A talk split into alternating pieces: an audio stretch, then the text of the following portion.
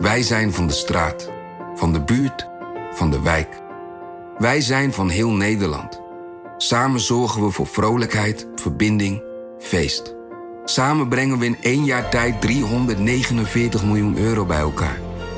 Miljoenen waarmee onze goede doelenpartners de wereld groener, gezonder en rechtvaardiger kunnen maken. Nationale Postcode Loterij. Samen voor een betere wereld. Voordat we gaan beginnen heb ik een eh, vraag aan je. NRC wil graag weten wat je vindt van onze podcast. En je kan ons helpen door gewoon een paar minuutjes van je tijd te gebruiken om een vragenlijst in te vullen. Die vind je op nrc.nl slash podcastonderzoek. Dank daarvoor. Dit is Haagse Zaken van NRC. Mijn naam is Lemia Aharwai. Met deze week de uitvoeringsorganisatie van de overheid die zo'n hoofdpijndossier is dat er twee staatssecretarissen voor nodig zijn om de problemen daar op te lossen.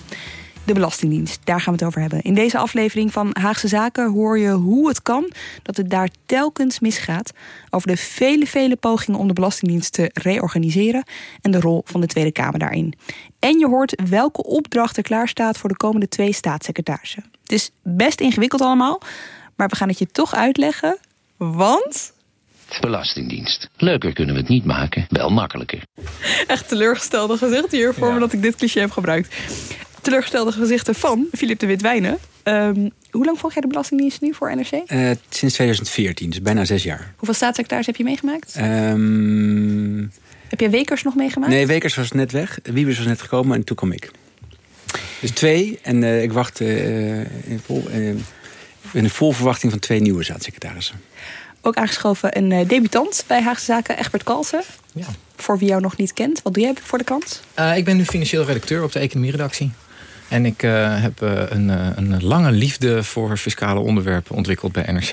Ja, een van de weinige Nederlanders die dat denk ik uit zijn mond krijgt. Een lange liefde voor fiscale onderwerpen. Jij hebt ook in Den Haag gewerkt, hè? Ik heb heel, ja, in, van 1997 tot 2007 in Den Haag gewerkt. En toen deed ik de portefeuille die Philip nu heeft. Dus ik volgde het ministerie van Financiën. en daarbij dus ook de, de fiscale kant en de Belastingdienst. We gaan het dus hebben over die Belastingdienst. Afgelopen tijd hoorde, hoorde je daar vooral over als het ging om die toeslagenaffaire. Uh, uiteindelijk stapte Menno Snel daar dus op 18 december, vlak voor het kerstreces, om op. Er moet politiek ruimte blijven om fouten te maken. Want echt, voorzitter, Kamer, die gaan komen. En hier begint de schoen te wringen, voor mij. Ik wil echt graag politieke verantwoordelijkheid nemen. Twee weken geleden nam ik dat door te zeggen dat ik het beste met hart en ziel kon doorwerken aan het vinden van een oplossing voor de ouders.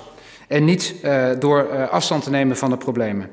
Maar tegelijkertijd, als het helder wordt dat uw Kamer begint te twijfelen of ik nog wel een deel van de oplossing ben. En ik niet een deel van het probleem aan het worden word, dan komt het moment dat ik mijn politieke verantwoordelijkheid op een andere manier moet inkleuren. En dat is door af te treden. En uh, daar, dat moment is nu aangebroken, voorzitter. Filip, jij zat erbij, hè? Je keek ernaar. Ja, het was, was eigenlijk wel bijzonder, want hij uh, trad af voordat het debat, uh, aan het begin van het debat, het debat zou komen, dus zou drie, vier uur gaan duren, waren weer tientallen ouders op de tribune. Maar na tien minuten, na deze openingsrede, was het klaar. Hij liep weg, zonder handen te schudden, zoals gebruikelijk met, ehm, met Kamerleden. dat, dat was, ik weet niet waarom, hij had er denk ik geen zin in. Hij was ook opgelucht. Die ouders op de tribune die baalden ervan, want die wilden graag nog weer tekst en uitleg van hem krijgen. Maar dat heeft hij niet gegeven. Maar het was ook al, uh, het punt was al bereikt dat hij geen uh, krediet meer had om het, zelf, uh, om het zelf verder af te maken, dit klusje. En de problemen op te lossen rond die slepende toeslagenaffaire. Want even, we hoeven er niet heel diep op in te gaan, maar waar ging die affaire ook weer over? Nou ja, het gek is, eigenlijk is snel afgetreden niet vanwege de toeslagenaffaire zelf, maar voor de oplossing ervan. Want daarbij, zoals je al zei, daar werden grote fouten gemaakt. En die zullen ook nog wel blijven gemaakt. de toeslagenaffaire die dateert eigenlijk van, van tien jaar geleden. Uh, al in 2009, 2010 werden er onterecht toeslagen stopgezet van ouders die mogelijk uh, fraudeerden. In 2014 gebeurde dat structureel, nadat het fraude, de fraudeopsporing bij de dienst werd aangescherpt. En in, die, in die, dat jaar, de jaren daarna, zijn er voor honderden, mogelijk duizenden gezinnen toeslagen stopgezet, onterecht, wegens onterechte beschuldigingen. Zijn er zware boetes opgelegd, hoge rentes opgezet, terugvorderingsprocedures, beslagleggingen. één grote ellende voor eh, arme mensen aan de onderkant van de, van de samenleving, financieel gezien. Die, die berooid werden door, de, door fouten die bij de overheid gemaakt zijn. En men er snel moest dit probleem oplossen. Hij werd pas dit uh, vorig voorjaar wakker in mei. Terwijl de signalen van, uh, van deze, dit onrecht al jaren uh, bestaan.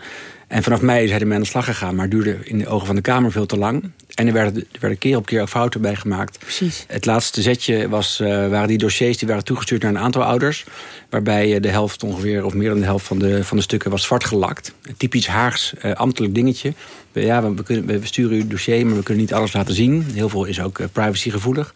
Maar dat was voor die ouders een signaal en voor de Tweede Kamer dat de Belastingdienst niet... Uh, ze niet serieus nam. Ze niet serieus nam, ook niet uh, de sociale antenne heeft... Ja. hoe je met uh, gewone burgers om, omgaat. Ja, is het goed om uit te leggen, alle toeslagen... Hè, of het nou huurtoeslag is of zorgtoeslag... ook kinderopvangtoeslag, werken met een voorschotsysteem, hè, Egbert? Dus je krijgt het geld en dan later wordt er pas gecontroleerd. Ja, het is, uh, ooit, ooit uh, heeft de Kamer nadrukkelijk verzocht om mensen die recht hebben op zo'n toeslag zo precies mogelijk uh, en zo tijdig mogelijk de toeslag te verschaffen. Dus dat betekent dat iedereen die recht heeft op de toeslag elke maand een toeslag op zijn rekening krijgt overgemaakt... en dat achteraf gecontroleerd wordt op basis van je, van je jaaropgave... van je totale inkomen van een jaar of die bedragen klopten. Was een wens van de Kamer. Wat ook ja. een wens van de Kamer was... was dat die controle heel erg streng zou zijn. Ja, ja, want dit is, uh, de, de toeslagenproblematiek is eigenlijk een, bijna een logisch gevolg van de, van de Bulgare problematiek die we een aantal jaren geleden in de Kamer hadden. Toen bleek het echt kinderlijk eenvoudig om te frauderen met toeslagen. Je kon uh, een identiteit opgeven bij de fiscus... en dan kreeg je een huurtoeslag of een zorgtoeslag overgemaakt. En daar werd grootschalig gebruik van gemaakt... door uh, met name Bulgaarse werknemers die dan teruggingen naar Bulgarije... maar nog wel een jaar lang de, de toeslag kregen. Uh, dat en, en daarmee Kamer. hun families konden voorzien in, ja. uh, in uh, het leven. levens, ja. dus dat, dat schoot de Tweede Kamer toen terecht in het verkeerde keelgat. En die hebben de toenmalige staatssecretaris Wekers het vel over de neus getrokken. Net zolang totdat hij ook moest opstappen vanwege, de, vanwege, de, vanwege die fraude. En de opdracht aan de dienst toeslagen en aan de fiscus was toen... controleer zo streng mogelijk, want dit willen we niet nog een keer meemaken. Iemand nou. die daar veel het woord over voerde toen was Pieter Omtzigt, ja. CDA-Kamerlid. En goed, die naam komt ons nu nog steeds bekend voor... want in de kinderopvangtoeslag affaire uh, heeft hij ook veel het woord uh, gevoerd. Maar het is toch interessant zijn verontwaardiging nu over het optreden van de Belastingdienst. En zijn ver verontwaardiging toen over het, ja, over het gebrek aan optreden van de Belastingdienst. Meneer Omtzigt. Voorzitter, met de kennis van nu had je beter beleid kunnen maken. Maar die kennis is niet van nu. Al in 2011 is de aangifte gedaan in deze Bulgarenzaak. En in 2012, u heeft het rapport gisteren gezien op de website van RTL... waren uitspraken bekend over huisjesmelkers die huurtoeslagen aanvragen. Grootschalige fraude in de kinderopvangtoeslag. Ik heb er ook een lijst van op mijn website gezet. Dus u bent het met mij eens, dus de, uh, mevrouw Neperes is het met mij eens... dat als die informatie bij ons geweest was of bij de staatssecretaris... dat we dan beter beleid hadden kunnen maken... en fraude strenger hadden kunnen aanpakken. Ja, dus fraude met kinderopvang kwam dus ook al uit 2011. En de Kamer... Die drong aan op steviger uh, fraudeaanpak. Ja. Dus, uh, dus uh, de staatssecretaris, althans Wekers trad af, maar Wiebes... en ambtenaren die gaven daar gehoor aan. Bijna, bijna automatisch. En dat is misgegaan in wat we nu noemen de kinderopvangtoeslagenaffaire. Goed, goed woord voor Scrabble. Omdat uh, te veel ouders ten onrechte zijn aangemerkt als fraudeur. En ten onrechte daarop uh, financieel zijn aangepakt. Hoe is het nu met die ouders? Uh, een, een, een eerste groep ouders van een kleine 300... die hebben al voor kerst een soort van compensatie gekregen... Uh, zij moeten nog wel uh, aangeven of ze nog juridische kosten hebben gemaakt... en of andere onkosten, die kunnen ze nog terugkrijgen. Maar voor de grote groep uh, van een onbekend aantal... daar moet nog een regeling voor worden getroffen. En later deze maand komt nog de commissie Donner van Piet en Donner... met een tweede advies over die andere groepen... dan die eerste groep rond dat, dat ouder op, gastouderbureau in, in Eindhoven. De CAF 11-zaak. Dat was de CAF 11-zaak. En er waren 169 CAF-zaken. Ja. En CAF is de, de afkorting voor het fraudeopsporingsteam van, van de Belastingdienst. Hoe denk je dat het... Dus, ja? Onder druk van de politiek eigenlijk die pendule van eerst misschien net iets te soepel zijn... bij het toe toekennen van die toeslagen... helemaal door is geslagen de andere kant op. Tot wat, uh, wat Donner in zijn eerste rapport noemde uh, institutionele vooringenomenheid. De menselijke maat is totaal verdwenen bij die controle ja. op die toeslagen. Dus die ambtenaren zijn gaan doen wat de Kamer wilde doen dat nog een tandje harder dan ze misschien zelf van plan waren om te doen. Ja, en dat leidt dan weer tot dit soort excessen ja. die we nou met die kinderopvangtoeslagen zien. Je zult dus zien, nu vraagt de Kamer om snel en goed en ruimhartig uh, die ouders te compenseren met wie het mis is gegaan. Mm -hmm. Dat moet nu gebeuren. Dat is een Haagse wens. Je zult zien, over een paar jaar, dan blijkt over dit dossier... dat er een aantal ouders geld hebben gekregen als compensatie... terwijl ze wel gefraudeerd hadden. Het zou zomaar kunnen. Ja, omdat die mechanismen weer hetzelfde Ja, werken. nu gaat het namelijk nu weer de andere dienst. kant op. Ja, Zou precies. Pieter Omzicht dan nog in de Kamer zitten, Filip? Vast. Hij wordt geen nieuwe staatssecretaris, eh, vermoed ik. Maar goed, het komt dus omdat de Belastingdienst niet functioneert zoals het zou moeten. Hè? Zou je kunnen zeggen. Die, die, die toeslagenaffaire nu staat niet op zichzelf. Nee, het gekke is, eh, ik, ik kwam eh, hier in 2014 en toen waren er problemen met de Belastingdienst. Niet alleen op, eh, op die, vanwege die Bulgare fraude, maar voortdurend. Het ICT-probleem dat loopt als een rode draad eigenlijk door, door tientallen jaren van de Belastingdienst. Ehm, dat, dat speelt voortdurend. Elk jaar komt de Rekenkamer met rapporten over eh, alle departementen. Maar dan is altijd financiën, eh krijgt altijd zware waarschuwingen vanwege de Belastingdienst. Operationele problemen, eh, fouten in de uitvoering. Dat is, permanent, dat, is, dat is permanent altijd zo. En dan komt zo'n toeslagenaffaire er nog eens overheen. Waardoor het politiek weer spannender wordt. ehm, en dan, nou, krijg je politieke gevolgen. Ik wil eerst even om te begrijpen wat er zoal mis kan gaan, die Belastingdienst induiken. Want Ja. waar bestaat die eigenlijk, eigenlijk uit? Het valt onder het ministerie van Financiën. Maar wat is het nog meer? Nou, het is, het is eh, na de politie en eh, de krijgsmacht de grootste eh, ambtelijke dienst van, van onze overheid. Eh, er werken 30.000 mensen. Dat was overigens vijf jaar geleden ook al zo. En er moest gereorganiseerd worden om minder mensen te krijgen. Maar ik lees elke, jaar, elke keer maar weer dat er nog steeds 30.000 mensen werken. Dat vind ik knap. En er zijn nog altijd 2000 vacatures die openstaan, geloof ik. Dus ze hebben ook nog mensen nodig. Maar het is een hele grote, eh, grote club. Valt onder het ministerie van Financiën. Onder één staatssecretaris. Die ook de fiscale wetgeving eh, moet doorvoeren. Dus dat is best een grote verantwoordelijkheid. Ik denk dat ze ook om die reden nu kiezen voor, eh, voor twee staatssecretarissen. Om het een beetje te verdelen. Misschien dat de minister ook daar een rol in krijgt. Want de minister van Financiën die gaat eigenlijk alleen om het geld eh, uit te geven. Om de begroting. En eh, financieel toezicht en de financiële sector. Maar die dienst is een gigantisch eh, eh, grote bedrijfstak die onder eh, het ministerie valt. En er is de afgelopen jaren sinds ik er zit... is er al vijf keer eh, een soort van reorganisatie doorgevoerd. De ene keer gelukt, de andere keer mislukt. Dan is er weer, zijn er weer diensten samengevoegd. Dan is er weer in de ambtelijke top gestroomlijnd. Nu gaan ze weer wat in, uit elkaar knippen. Want even, het zijn negen onderdelen: particuliere, midden- en kleinbedrijf, grote ondernemingen, centrale administratieve processen, klantinteractie en services, informatievoorziening, douane, FIOT en toeslagen. Ja, en dan is toeslagen eigenlijk nog een relatief eh, kleine afdeling. Er werken eh, 850 mensen Van die 30.000. De grootste afdeling, kan iemand dat raden? Wat zou de grootste afdeling zijn van Egbert, het... eh, looking at you. Ja, ja ik, ik gokte de ondernemingen toen we het hierover hadden. En dat, dat klopt. MKB eh, is een aparte afdeling. Daar werken zo'n kleine 7000 mensen. En met de grote bedrijven erbij zijn dat er bijna, eh, bijna 10.000. Douane werken 6000 mensen, of iets minder. Je noemde ook een aantal eh, zeg maar stafafdelingen. ICT is een apart tak. Ehm, de belastingtelefoon, de communicatie met de Oh ja. burger. Daar werken 1200 mensen. Gaat ook van alles mis. Ook dat is natuurlijk een, een technologisch gedreven onderdeel van de Belastingdienst. Andere getallen die leuk zijn om te melden is... ehm, ICT is een probleem. Eh staatssecretaris Snel moest dat oplossen en daarvoor Wiebes. Eh, hij, hij sprak steeds over dat, dat er 900 applicaties eh, eh, worden gebruikt. Systemen, ICT-systemen die belastingen moet innen, die eh, aangiftes moet versturen. die- 900? 900. Die werken apart, maar ook, zijn ook verstrengeld met elkaar. Dus als er ergens iets misgaat, ze zijn verknoopt, ze zijn van elkaar afhankelijk. Als er eentje uitvalt, dan ehm, zullen er misschien eh, 80 andere applicaties ook niet meer werken. En dat gaat eigenlijk verbazingwekkend genoeg eh, niet eens zo heel vaak mis. Er was eh, twee jaar geleden wel een groot probleem met de inning van de eh, erf- en schenkbelasting. Dat is twee jaar lang gewoon niet gebeurd voor mensen met, met, met, een, met een groot vermogen. Rijke mensen, die kregen, die kregen gek genoeg geen aanslag of ze werden niet geïnd. Dat leverde toen een strop op van 450 miljoen euro. Half miljard zo'n beetje. Snel moest dat repareren. Dat is nog altijd niet helemaal opgelost. Dus er, zijn, eh, er wordt er wel altijd, dat vind ik altijd knap, eh, 300 miljard binnengehaald eh, per jaar. Dus de inning loopt wel door. Binnengehaald, dat betekent dus onze belastingen, belastingen die ehm, bedrijven Ja. betalen. Ja, in de Rijksbegroting ook voor, voor dit jaar eh, ruim 300 miljard aan, eh, aan inkomsten uit belastingen en premies. Want ook de sociale premies komen, wo- worden door de Belastingdienst worden die geïnd. Wat is het grootste deel van die koek? Zijn wij dat? De betalende loondienstmensen? Ja, Of, de, de inkomsten- en, en loonbelasting, dat is ongeveer eh, eh, 65 miljard Ja. wat binnenkomt. Eh, en aan premies, alles bij elkaar, is dat eh, ruim 100 miljard. Dus dat is eigenlijk de grootste, de grootste koek. BTW 60 miljard en de winstbelasting ongeveer, een, kwa- eh, 60, eh, ongeveer 25 miljard. en 30.000 mensen dus die daar werken. Ja. Ja. Ja. En we kennen de Belastingdienst natuurlijk allemaal van, van dat, dat moment in het voorjaar... dat we allemaal onze belastingformulieren moeten invullen.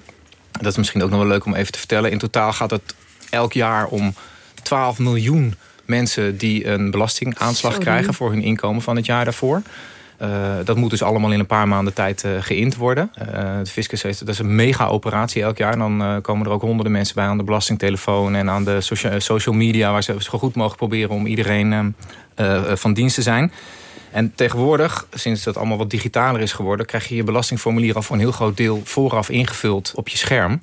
En daarvoor heeft de fiscus jaarlijks 202 miljoen gegevens van tevoren verzameld... die ze op al die belastingformulieren uh, voor je presenteren. Zodat je niet meer zelf op zoek hoeft naar je banksaldo... naar je spaartegoeden, naar je loongegevens... naar de WOZ-waarde van je huis. Dat wordt allemaal van tevoren ingevuld. Ja. Dus dat zijn gigantische operaties.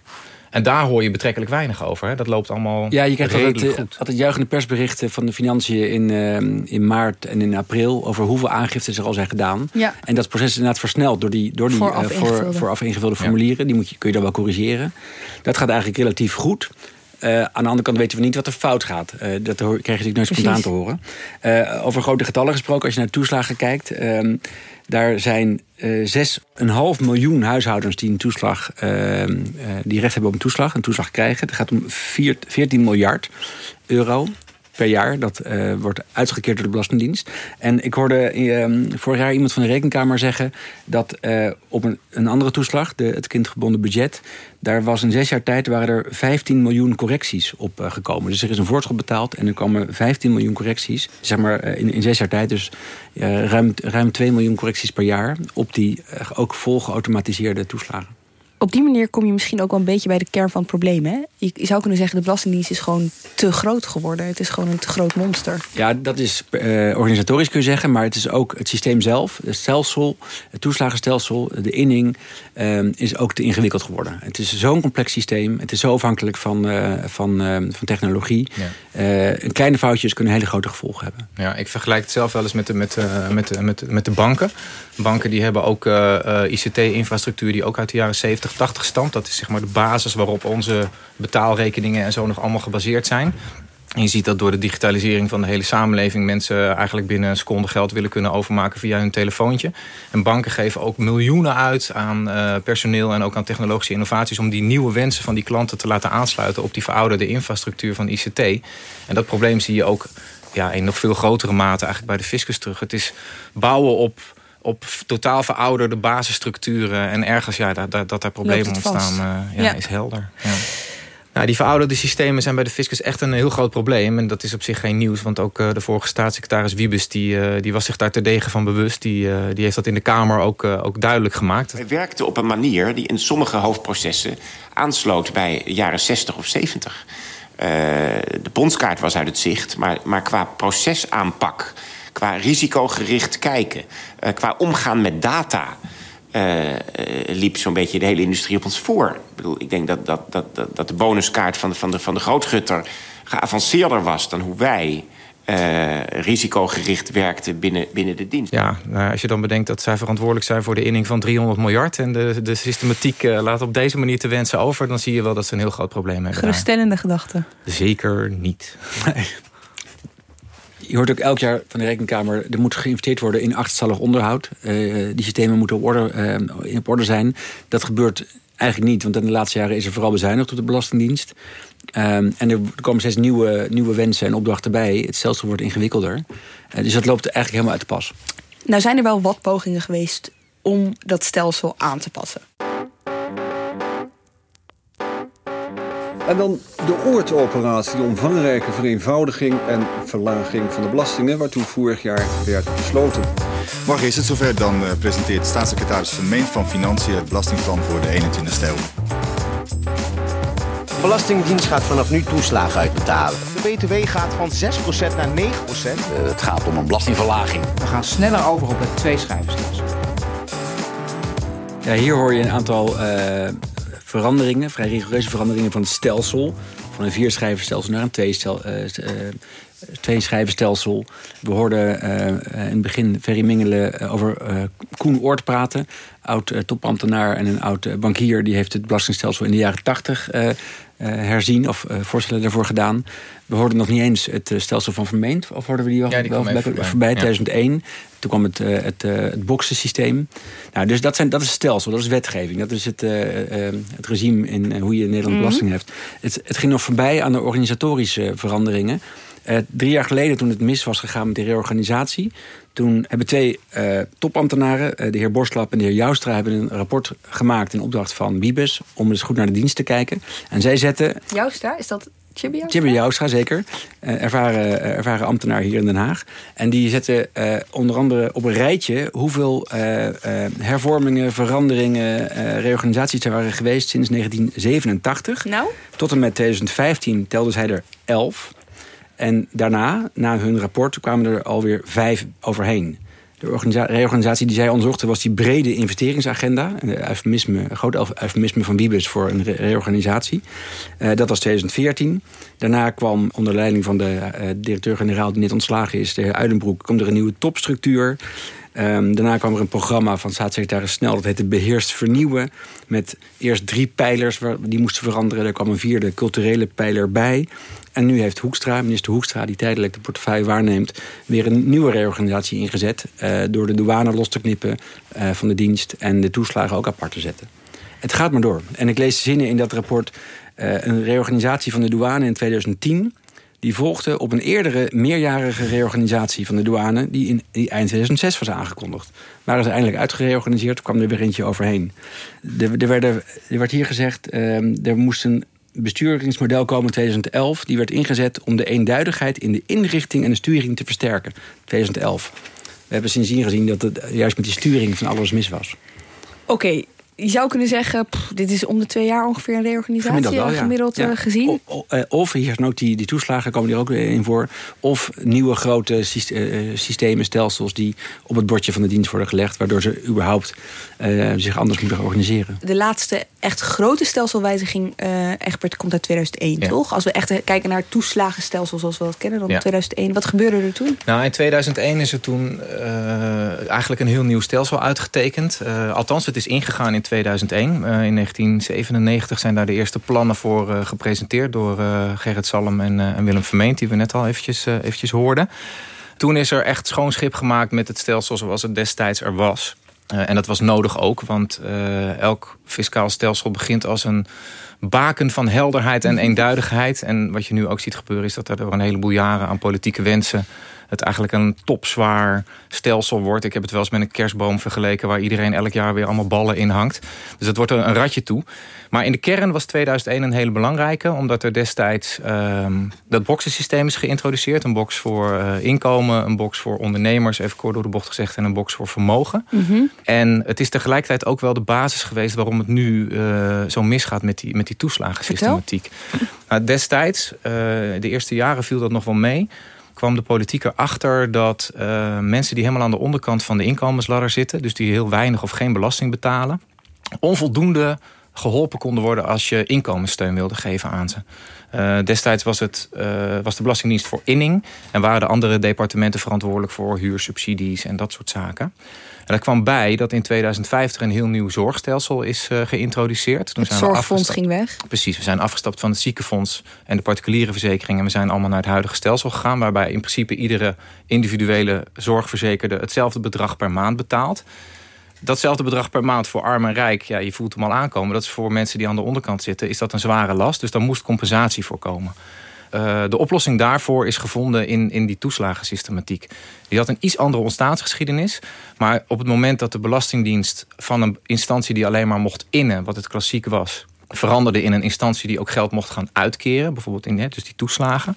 Werd het ook mogelijk om via de fiscus mensen die te veel betaalden aan die, aan die zorgpremies. een zorgtoeslag te geven. En datzelfde gold voor de huurtoeslag en de kindertoeslag en de kinderopvangtoeslag. Dus die gingen van al die verschillende departementen naar de Belastingdienst? Ja, ja dus de fiscus is eigenlijk voor een aantal uh, nou ja, de huurtoeslag zat bij Binnenlandse Zaken bijvoorbeeld. Uh, de fiscus is voor een aantal departementen uh, de inkomensondersteuning gaan doen... die vroeger in de vorm van klassieke subsidies werd uitgekeerd. En nu eigenlijk in de vorm van, je zou het een negatieve belasting kunnen noemen. Dus het uitkeren van, van geld. En daarmee werd een groot probleem opgelost. Bedoel, het is niet alleen maar misère. Uh, want uh, je kon ineens mensen aan de onderkant van die arbeidsmarkt... en de inkomensladder, kon je, kon je uh, geld toe gaan geven. Het was een wens van het CDA, hè? Het, was, het, ja, het is een heel duidelijk een, een ideologisch punt van het CDA geweest. En het heeft het CDA ook echt gewonnen van de VVD... die daar heel erg tegen waren destijds. En uh, ja, Wijn die heeft daar goede sier mee gemaakt. En die uh, heeft uh, interviews gegeven dat het toch een enorme doorbraak was... dat de fiscus nu ook echt de dienst van het inkomen was geworden. Hè? Zowel het innen daarvan als het uitkeren daarvan als het tekort was. Ja.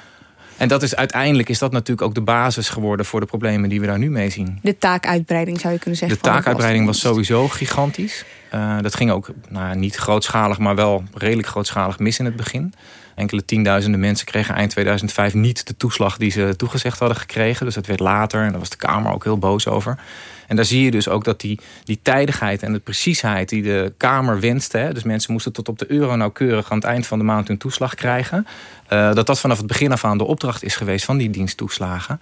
En daar worden ze nu zo, zo mee om de oren geslagen... Ja. dat ze daar een foutje mee maken, ja...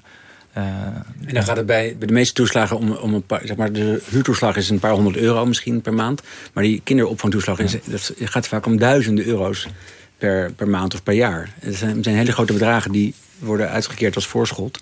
En als er dan, daar een foutje in, uh, in wordt gemaakt in de, in de aanvraag...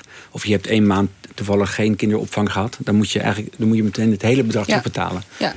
Maar het gaat om die taakuitbreiding die net voorbij kwam. Eigenlijk is dat redelijk symbolisch voor hoe het gaat met de, uh, met de Belastingdienst. Het, je noemt al de VVD, de CDA, het CDA wil dit, de VVD wil Ja. dit. Het is steeds een, een politiek aspect of een politieke wens... en daar moet de Belastingdienst dan aan voldoen. Ja. Ja, misschien is het goed om heel even een klein beetje uh, zeg maar fiscale theorie te introduceren. Nou, je, hebt, in. je hebt in de fiscus, ja, we gaan niet al te technisch maken hoor, maar je hebt eigenlijk uh, grof gezegd twee stromingen. Je Mhm. hebt de, de puristen, zoals dat dan heet. En dat zijn mensen die vinden dat de manier waarop de overheid belasting heft zo min mogelijk invloed moet hebben op zeg maar, de normale werking van de economie. Dus je heft een belasting, die moet eenduidig zijn. Er moeten niet te veel ontwijkingsmogelijkheden of uitzonderingen op toegepast worden. Helder, laat de economie zijn werk doen en room een bepaald percentage af. Dat is de puristen. Aan de andere kant heb je de instrumentalisten. En dat zijn mensen die vinden dat je met fiscale prikkels, dus met fiscale wetten, andere doelen kunt gaan bereiken dan alleen maar uh, de staatskas spekken. Bijvoorbeeld, uh, als je een groenere economie wil, dan kan je vervuilende activiteiten zwaarder gaan belasten. Of als je wil dat meer mensen met de fiets naar hun werk komen, dan zorg je ervoor dat fietsen fiscaal aantrekkelijk wordt. Of als je wil dat er meer elektrische auto's in Nederland komen... dan maak je een regeling waardoor meer mensen elektrische auto's gaan kopen. Ja, bijvoorbeeld ik rijd een dieselauto of reed een dieselauto. Want ik heb nu weg. Ja, precies. Ja. Ik kreeg dus een brief in de bus uh, uh, eind vorig jaar... Ja. dat ik 15% meer bela aan belasting moest gaan Ja, betalen... ja. omdat het zo vervuild was. auto, ja. Ja. Ja, nou, dus- dat is een vorm van instrumentalisme. Ja. Daar kan je van vinden wat je wil. Hè. Soms is het hartstikke legitiem om via dit soort prikkels... mensen te bewegen om andere dingen te gaan doen. Ja. Problematischer wordt het... Want belastingen zijn altijd heel technisch en heel economisch en zo. Maar ze zijn vooral heel politiek. Want je kunt via fiscale, uh, fiscale regelingen prima je eigen achterban bedienen als politieke partij.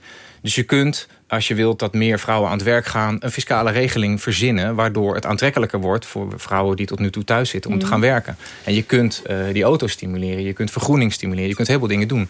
En dat zie je elk jaar gebeuren in de Tweede Kamer. En des te meer naarmate de verkiezingen dichterbij komen... dat elke politieke partij met allemaal hele kleine... Ja, bijna te verwaarlozen regeltjes dingen proberen aan te passen. Die kunnen ze tegen hun achterban zeggen. Ja. Kijk eens wat wij geregeld hebben. En niemand, bijna niemand vraagt ooit... kan de belastingdiensten dat nog wel bij hebben op dit moment? Nee, een goed voorbeeld. Je noemt je auto met diesel, die moest meer gaan betalen. Daar moesten taxichauffeurs ook voor hun uh, dieseltaxis. Daarvan vroeg de Kamer dit jaar... maar wacht even, er zijn ook taxis die zieken naar het ziekenhuis brengen... of die uh, ouderen van uh, verzorgingshuis naar uh, hun familie brengen. Dus dat is um, doelgroepenvervoer. Daar moeten we dan weer een uitzondering op maken. Ja, maar voor hoeveel kilometer per dag moet dat dan gelden? Ja. En zo wordt er gedraaid aan allerlei knopjes... zodat zo'n zo'n simpele uh, verhoging van de belasting van 15% in jouw geval... daar vraagt aan de Kamer, omdat ze dan waarschijnlijk post hebben gekregen... vanuit de zorgsector, ja. uh, ouderenbond, krijgen ze allemaal uitzonderingen. En dat moet de Belastingdienst maar even controleren. Dat Ja. is dus die kerstboom waar jij het over had, Egbert... Ja. met al die kerstballen die er Ja. steeds bij komen. En daarop, die kerstboom die laat het een keer om, uh, die wordt topzwaar, weet je Ja. wel. Dus op een gegeven moment gaat dat stelsel aan zichzelf ten onder... Ja. omdat het een optelsom is van jarenlang van politieke wensen. Want er wordt dus niet... Nee, eerst wil ik je wat anders vragen. Uh, je hebt het over puristen en instrumentalisten. Je zegt in de Kamer hoor je, zitten vooral instrumentalisten. Zijn er wel puristen? Zijn er partijen bijvoorbeeld die je daar... Is het, een, is het überhaupt levend in Nederland? Dat is een goede vraag. Je zou zeg maar puur klassiek ideologisch denken dat de VVD het dichtst bij de puristen eh, zou zitten. Omdat die een kleine overheid voorstaan Mhm. en zo min mogelijk inmenging. Laag lasten. Maar zo gauw als het over autobelastingen gaat, is de VVD alweer totaal niet puristisch. Die zijn hartstikke instrumentalistisch. Dus het is echt, het heeft met je politieke kleur te maken op welk deel van het fiscaal stelsel je een purist of een instrumentalist bent. Een partij als GroenLinks, ja, dus de naam zegt het al, die zijn en heel erg, ja, die zijn natuurlijk voor een vergroening van, het, eh, van de economie, eh, het liefst ook via de fiscaliteit. Ja.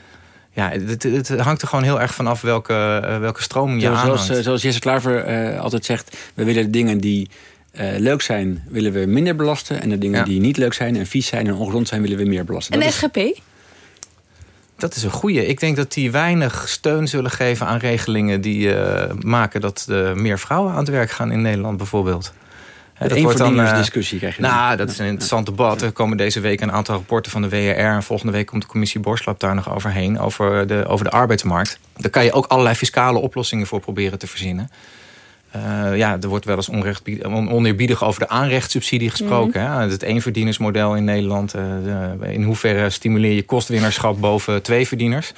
Ja, het zijn allemaal verschillende kleuren in een politiek spectrum. Maar kijk, dit zijn, dit zijn dus inderdaad al die kerstballen, al die, al Ja. die mooie dingen waarmee die politieke partijen kunnen shinen bij hun achterban. Maar wordt er ook nagedacht over de Nee, uitvoerbaarheid? de- dat is juist het punt. Dan wordt er een politiek eh, eh, besluit uitonderhandeld.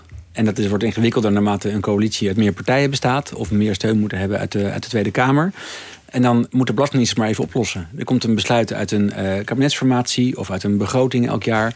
Of uit een... ehm, op het maandagoverleg op eh, nu eh, het coalitieoverleg op maandag is heel belangrijk geworden. En dan krijgt de Belastingdienst, de DG, Belastingdienst, krijgt een telefoontje van zijn staatssecretaris. Er is dit besloten, kun je het even regelen. En al zou hij zeggen dat het niet kan, dat wordt eigenlijk niet, niet verlangd dat je nee zegt. Eh, dat, dat is een heel groot probleem geweest de afgelopen jaren en in toenemende mate. En ik vermoed dat het nog goed gaat in de inning. We, we zien elk jaar eh, die 300 miljard wel binnenkomen. En vaak hebben we daar ook meevallers, dat er meer binnenkomt, omdat de economie wat beter draait nu. Maar we weten niet wat er misgaat. En ik heb het idee dat het vaak misgaat in de controle. Want de Belastingdienst is in wezen geen inningsmachine. Is het natuurlijk wel. Maar de belangrijkste taak is het controleren van die inning. Van al die eh, voorafgevulde, eh, vooraf ingevulde formulieren. Daarop de uitzonderingen. Want iedere maatregel, eh, Egbert noemde het al... daar heb je uitzonderingen op. Daar heb je overgangsregimes. Eh, mensen die half in de oude situatie vallen en half in de nieuwe. Je hebt eh, aftrekposten eh, wel of niet. Of gedeeltelijk. Je moet rekening houden met internationale wetgeving... waardoor er ook weer... wordt ge- gedifferentieerd. En Menno Snel, toen hij nog op die plek zat, die probeerde dat een keertje aan de Kamer uit te leggen toen er iets was met eh, auto's. Ik ga het dus eh, gewoon doen. Dus de CO2-uitstoot van een auto is de heffingsgrondslag van de BPM. Dat is zeg maar het uitgangspunt. Dat was het alternatief. Kortom, je betaalt voor een auto, als je hem koopt, BPM... en dan doe je je CO2-uitstoot maar je tarief. Grofweg gezegd. De CO2-uitstoot wordt gemeten op basis van een Europese CO2-test. Die is voorgeschreven. Daar was een oud systeem, de NEDC, en dan krijgen we nu een nieuw en ook een verbeterd systeem... en dat heet de WLTP-test. Want wat blijkt, in dat oude systeem werden niet alle uitstoten echt gemeten... en het nieuwe systeem is een beter metend systeem. En die geeft... Ik heb hetzelfde college een keer gehad van een aantal ambtenaren op financiën. En eh, er zaten denk ik 20 journalisten bij. Ik snap je echt helemaal En aan het eind van de sessie waren er eh, 18 mensen aan het slapen. Maar snap jij dit, Egbert? Ik bedoel, het kan ook, als je erin zit, snap je het dan wel? Ja, ja, kijk, eh, ja, ik denk dat als je het goed volgt, dat je het kan snappen. Maar dat, geldt voor een heleboel. Hè? Ik bedoel, je, ik, ik bedoel, je moet mij ook niet in een operatiekamer neerzetten. Terwijl Ja. ik toch heel interessant vind om van de arts te horen hoe het allemaal werkt. Eh, je moet je best doen om, om, om belastingen te snappen. En ik denk dat dat ook een van de, van de grote mismatches is zeg maar, tussen de Belastingdienst zoals die nu opereert en wat de burger denkt dat, waar de Belastingdienst voor is. Eh, de, de Bas Jacobs die zei het laatst... De, de fiscus verlangt eigenlijk van burgers... dat ze een enorm denkvermogen hebben... en ook een enorm doevermogen. Econoom, hè, Bas Jacobs? eh, dat, dat, dat mensen ook actief gaan handelen op het moment dat er iets in hun persoonlijke situatie verandert. En die veronderstelling, die eigenlijk ten grondslag ligt aan een heleboel van die toeslagen, maar ook andere belastingen, dat is gewoon onterecht. Dat je kan als fiscaliteit, omdat het zo complex is, niet uitgaan van dat die mensen allemaal maar precies doen eh, wat, wat het beleid zeg maar, van ze verwacht. En dat maakt dus dat controle nodig is achteraf. Dat maakt dat er heel veel fouten gemaakt worden door mensen die daarna weer rechtgezet moeten. We helemaal niet met kwaaien opzetten en niet van burgers. Maar het is zo ingewikkeld voor de meeste mensen dat je doet maar wat, hè, even kort door de bocht. En dan God zegene de greep. En dan het goed zit. Ja. Ja. En wat je hier hoorde, dit was een van de ruim 50 maatregelen van het belastingplan voor dit jaar, belastingplan 2020. Elk jaar wordt na, de, na Prinsjesdag, bij Prinsjesdag wordt aangekondigd wat de fiscale wijzigingen zijn voor het jaar erop. Dat waren dit jaar zes wetten. Uh, dikke, lijvige uh, boekwerken met, uh, met wetsteksten en met technische uitleg. Zoals Menno Snel dat heel goed probeerde. Dit jaar 50 maatregelen, het jaar daarvoor 60 maatregelen. Nou, elk jaar moet de Kamer dan gaan, gaan vergaderen, gaan debatteren met de staatssecretaris van Financiën. Dat, dat circus begint na Prinsjesdag, oktober, november. Daarna gaat het naar de Eerste Kamer. Dan komt het belastingplan op tafel. Mm -hmm. Dat is een verzameling van zes, zeven, soms acht wetten... met 50, 60, 70, 80 maatregelen. Dat is ongelooflijk ingewikkeld. We hoorden het fragment net over die auto, nieuwe autobelasting. En dan gaat het over 50, 60 maatregelen. Nou, en omdat uh, de Belastingdienst wil dat wij het begrijpen... Uh, dat de Kamerleden het begrijpen, dat wij het als journalisten begrijpen... en de burger, uh, delen ze elk jaar een cadeautje uit. En ik laat hem altijd um, onuitgepakt, want ik, ik lees het gewoon wel online. Maar ik wil dit cadeautje dan maar aan jou geven, Lemia. Want hier is de, de poster van Financiën... Okay, met het belastingplan 2020 een dik pak papier, een hele grote poster. Ik krijg echt altijd in paniek bij het zien van cijfers. Je gaat verhuizen en er zijn zelfs drie posters, geloof ik. Met alle inkomsten en uitgaven op mijn rij. Dus het gaat ook over de begroting. Maar ik denk dat er verderop nog ooit gaat over... Het zijn mega posters. Het belastingplan. Oh, dat is zelfs een hele oude, 2019. Maar goed, je kunt hier, als je deze poster goed... Uh, kan ik als behang jou, gebruiken. Boven jouw bed hangt. Ja. Dan kun jij... Uh, kun jij uh, snappen hoe dat systeem in elkaar zit... en hoe het elk jaar maar weer, maar weer verandert. Wat een um, fantastisch cadeau, Filip. Hè? Dankjewel. Voor je nieuwe huis. Dankjewel. Uh, tegelijkertijd, we hadden het net over dat ICT-systeem, hè? Met die 900, ja. uh, hoe noemde je het nou? 900 uh, applicaties. Applicaties. Apps. Ja, precies. Dus zo'n belastingplan, daar staan dan bijvoorbeeld wijzigingen in. Dat moet dan ook doorgevoerd worden in dat enorme ja. ICT-systeem. Ja. En, en, dan zou je denken, een percentage van 30% of 30,5%, wat maakt het uit? Een btw-verhoging destijds van 19% naar 21%. Dat gaf ontzettend veel gedoe in de uitvoering. Het is niet even één knopje uh, omdraaien, maar je moet alle systemen op elkaar laten aansluiten. En uh, de Rekenkamer-president Arno Visser heeft, geloof twee jaar geleden al eens gewaarschuwd dat de Belastingdienst een eenvoudige tariefswijziging niet eens zou aankunnen. Uh, dat is nog niet gebleken dat het niet zo is. Het is niet stilgevallen. Maar hij kent de systemen wel. Daar, daar kijken ze vaak naar. Het is wel heel broos allemaal. Hangt er echt aan, met touwtjes aan elkaar. Ja, en dan hoop je dat er dus allemaal slimme koppen rondlopen bij uh, de Belastingdienst... die de boel dan tenminste kunnen redden. Maar er is ook nog eens een grote brain drain geweest daar. Dat was eigenlijk de eerste grote uh, klus van uh, de vorige staatssecretaris uh, Erik Wiebes van de VVD. Die trad in 2014 aan uh, nadat Wekers was, was opgestapt. En hij begon in 2015 met een grote reorganisatie. Die hij heel eufemistisch de brede investeringsagenda noemde. Er zou geïnvesteerd worden. Het was een bezuinigingsoperatie. Er moesten 5000 mensen uit. En er zouden 15 mensen worden aangesteld. En het doel, behalve budgetverlaging van de dienst uh, was om mensen die zeg maar, lang met de Belastingdienst werken en niet zoveel verstand hebben van de moderne technologische systemen die nodig zijn, om die uh, uit te doen stromen, uh, te ontslaan. Met een mooie, met een wel een sociale vertrekregeling. En slimme koppen die verstand hebben van ICT en jong zijn en nog jaren te gaan hebben om die aan te, aan te stellen.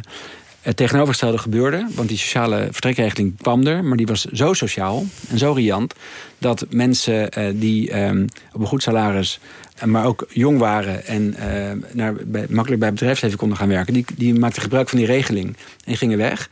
En de, zeg maar het, een beetje badinerend gezegd, het, uh, het oude dode hout dat bovenin zat en al jaren daar werkte en nog een beetje moesten blijven zitten tot een pensioen, die bleven, bleven zitten. Dus um, de uitstroom ging uh, verkeerd. Uh, er gingen niet genoeg mensen weg. En alleen de goede mensen gingen weg. En um, mensen die wat minder verstand hebben van moderne belastinginning, die bleven zitten. was echt een probleem, hè? Want ik kan me dat nog herinneren. Wiebes, dat kostte hem gewoon bijna de kop.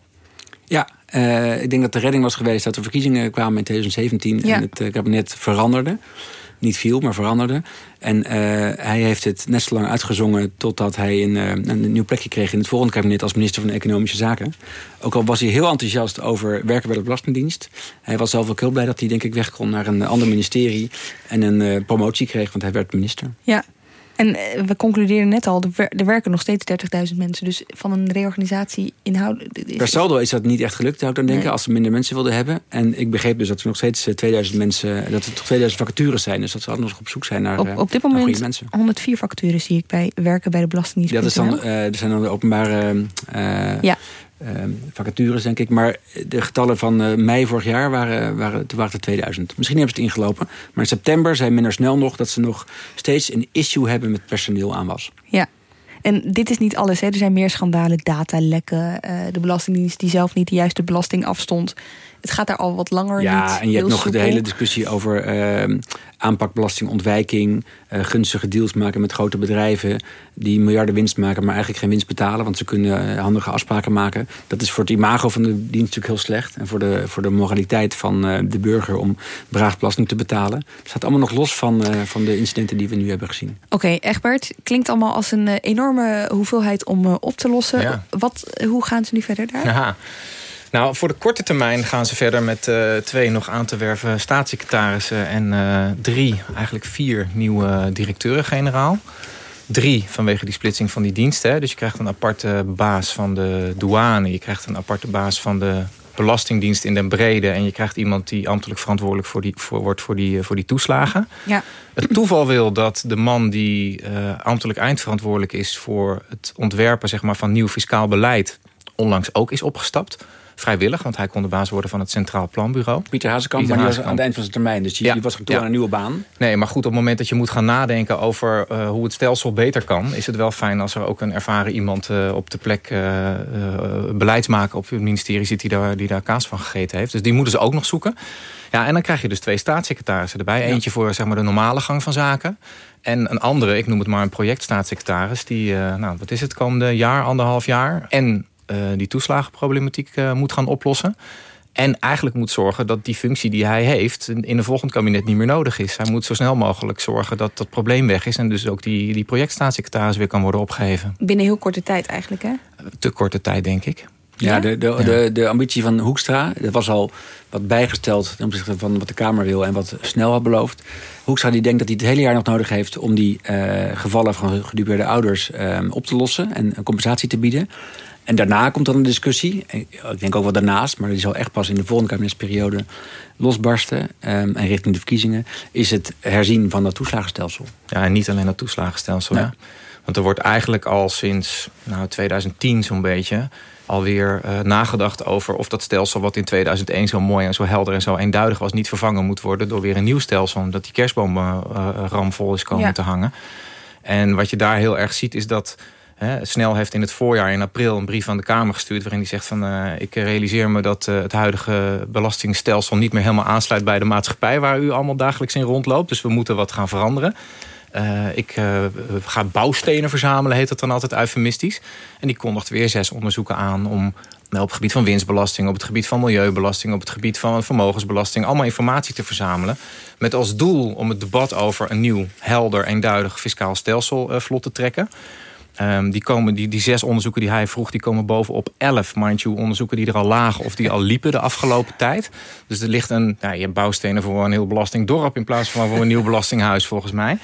Um, en de essentie is steeds, um, uh, we blijven verzamelen omdat we op dit moment niet aandurven uh, om echt een nieuw stelsel te gaan bouwen. Maar zie je in al die onderzoeken die zich dus uh, opstapelen... zie je daar een soort van zelfde, zelfde bouwstenen, om maar in ja. dat lelijke woord te blijven gebruiken. Zie, je dat, zie je daar overeenkomsten? Ja, jawel, jawel. Volgens mij is iedereen het er wel over eens... dat op, op, op, eigenlijk op een drietal terreinen de grote hervormingen nodig zijn. Mm -hmm. Eén is de belasting op, uh, op kapitaal.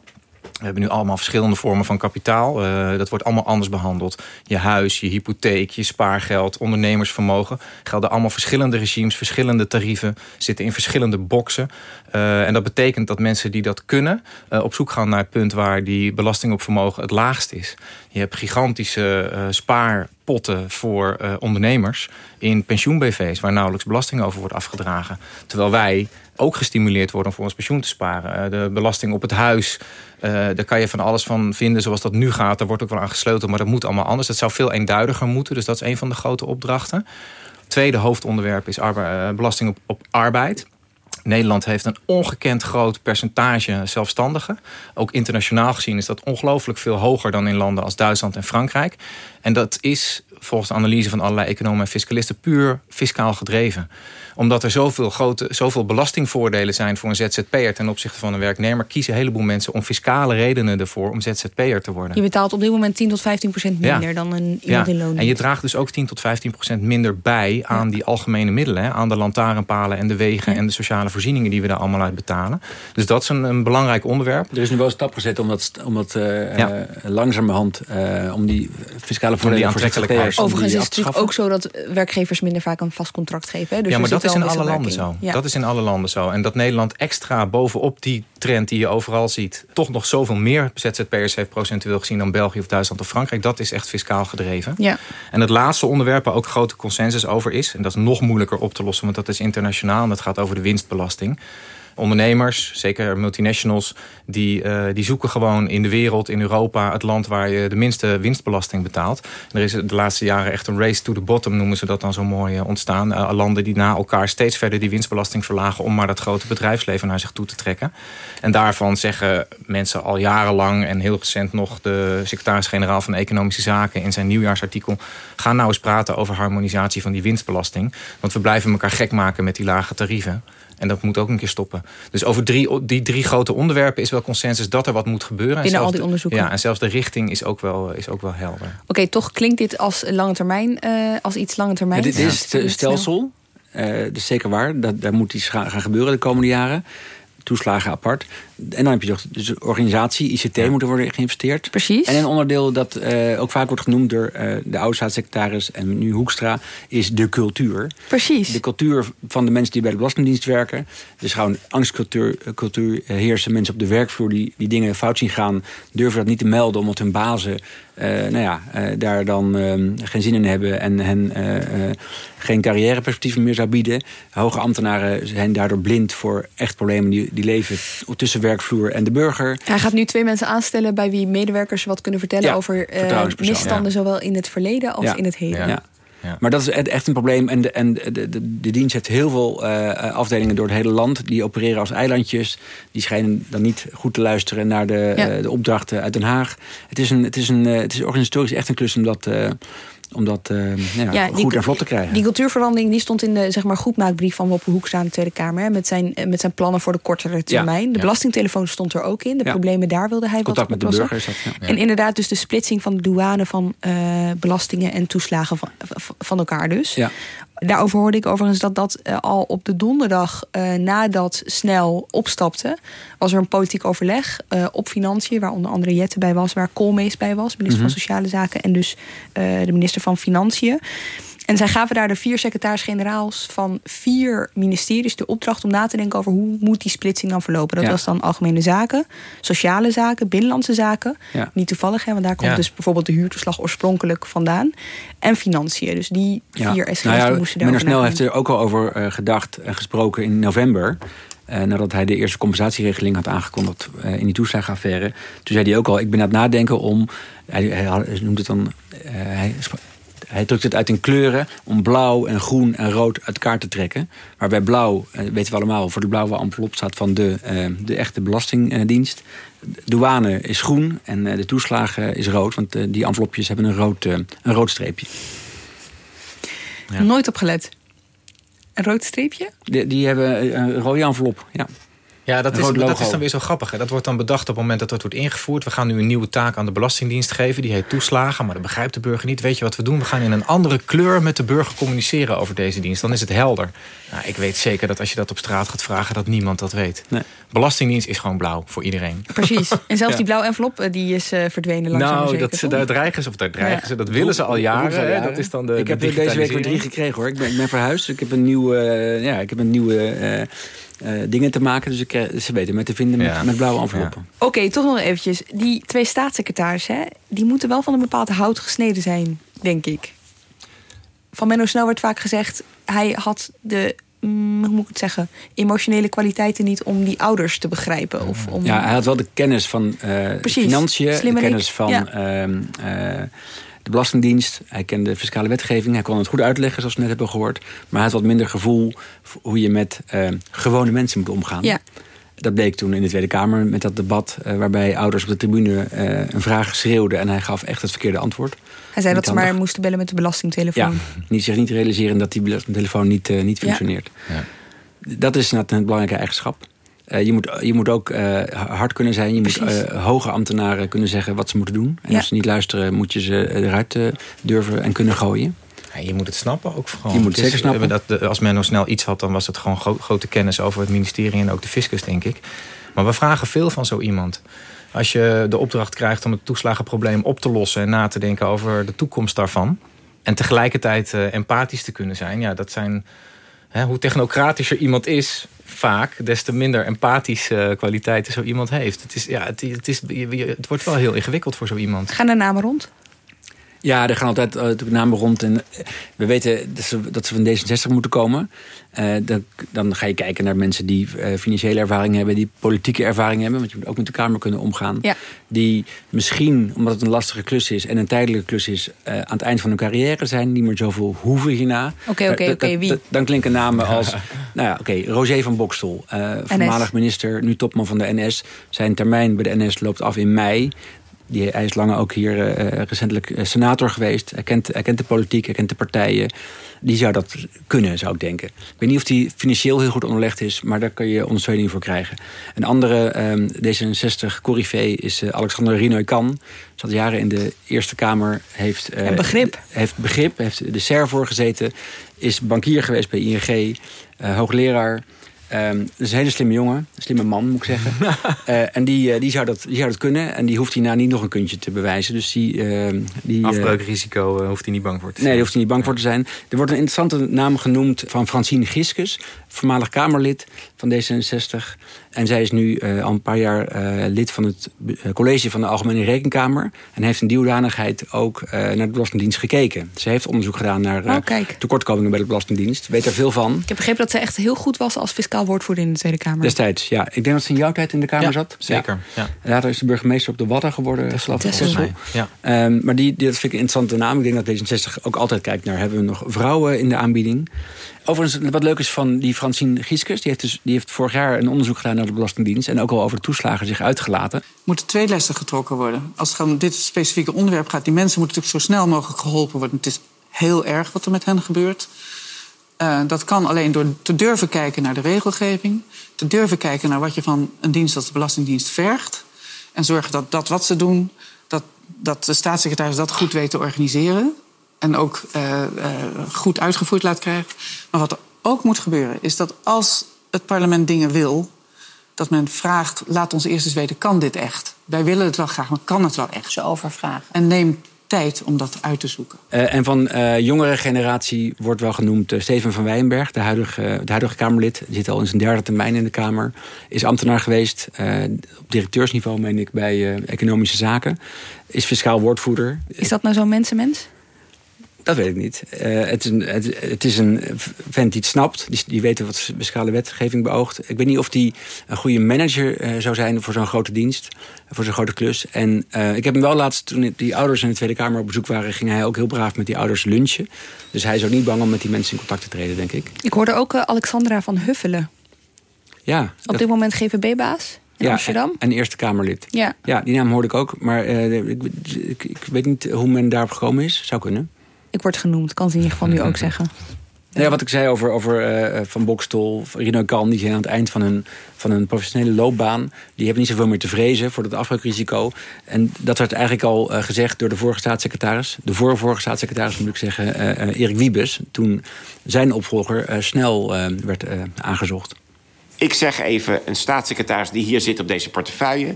zal moeten beschikken over een onverwoestbaar humeur... en moet geen enkele interesse hebben in de eigen loopbaan. En als dat maar in orde is, dan lukt het.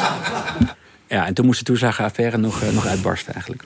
Dank jullie wel. Filip de Wit Wijnen en Egbert Kalsen. Jij ook bedankt voor het luisteren. En we zijn dus benieuwd naar jouw mening over eh, onder andere Haagse zaken, maar ook onbehaarde apen en vandaag, al onze podcast dus. Ga naar nrc.nl slash podcastonderzoek. Help ons verder op die manier. Redactie en productie van deze aflevering door Iris Verhulstonk. En volgende week is er gewoon weer een Haagse zaken. Tot dan!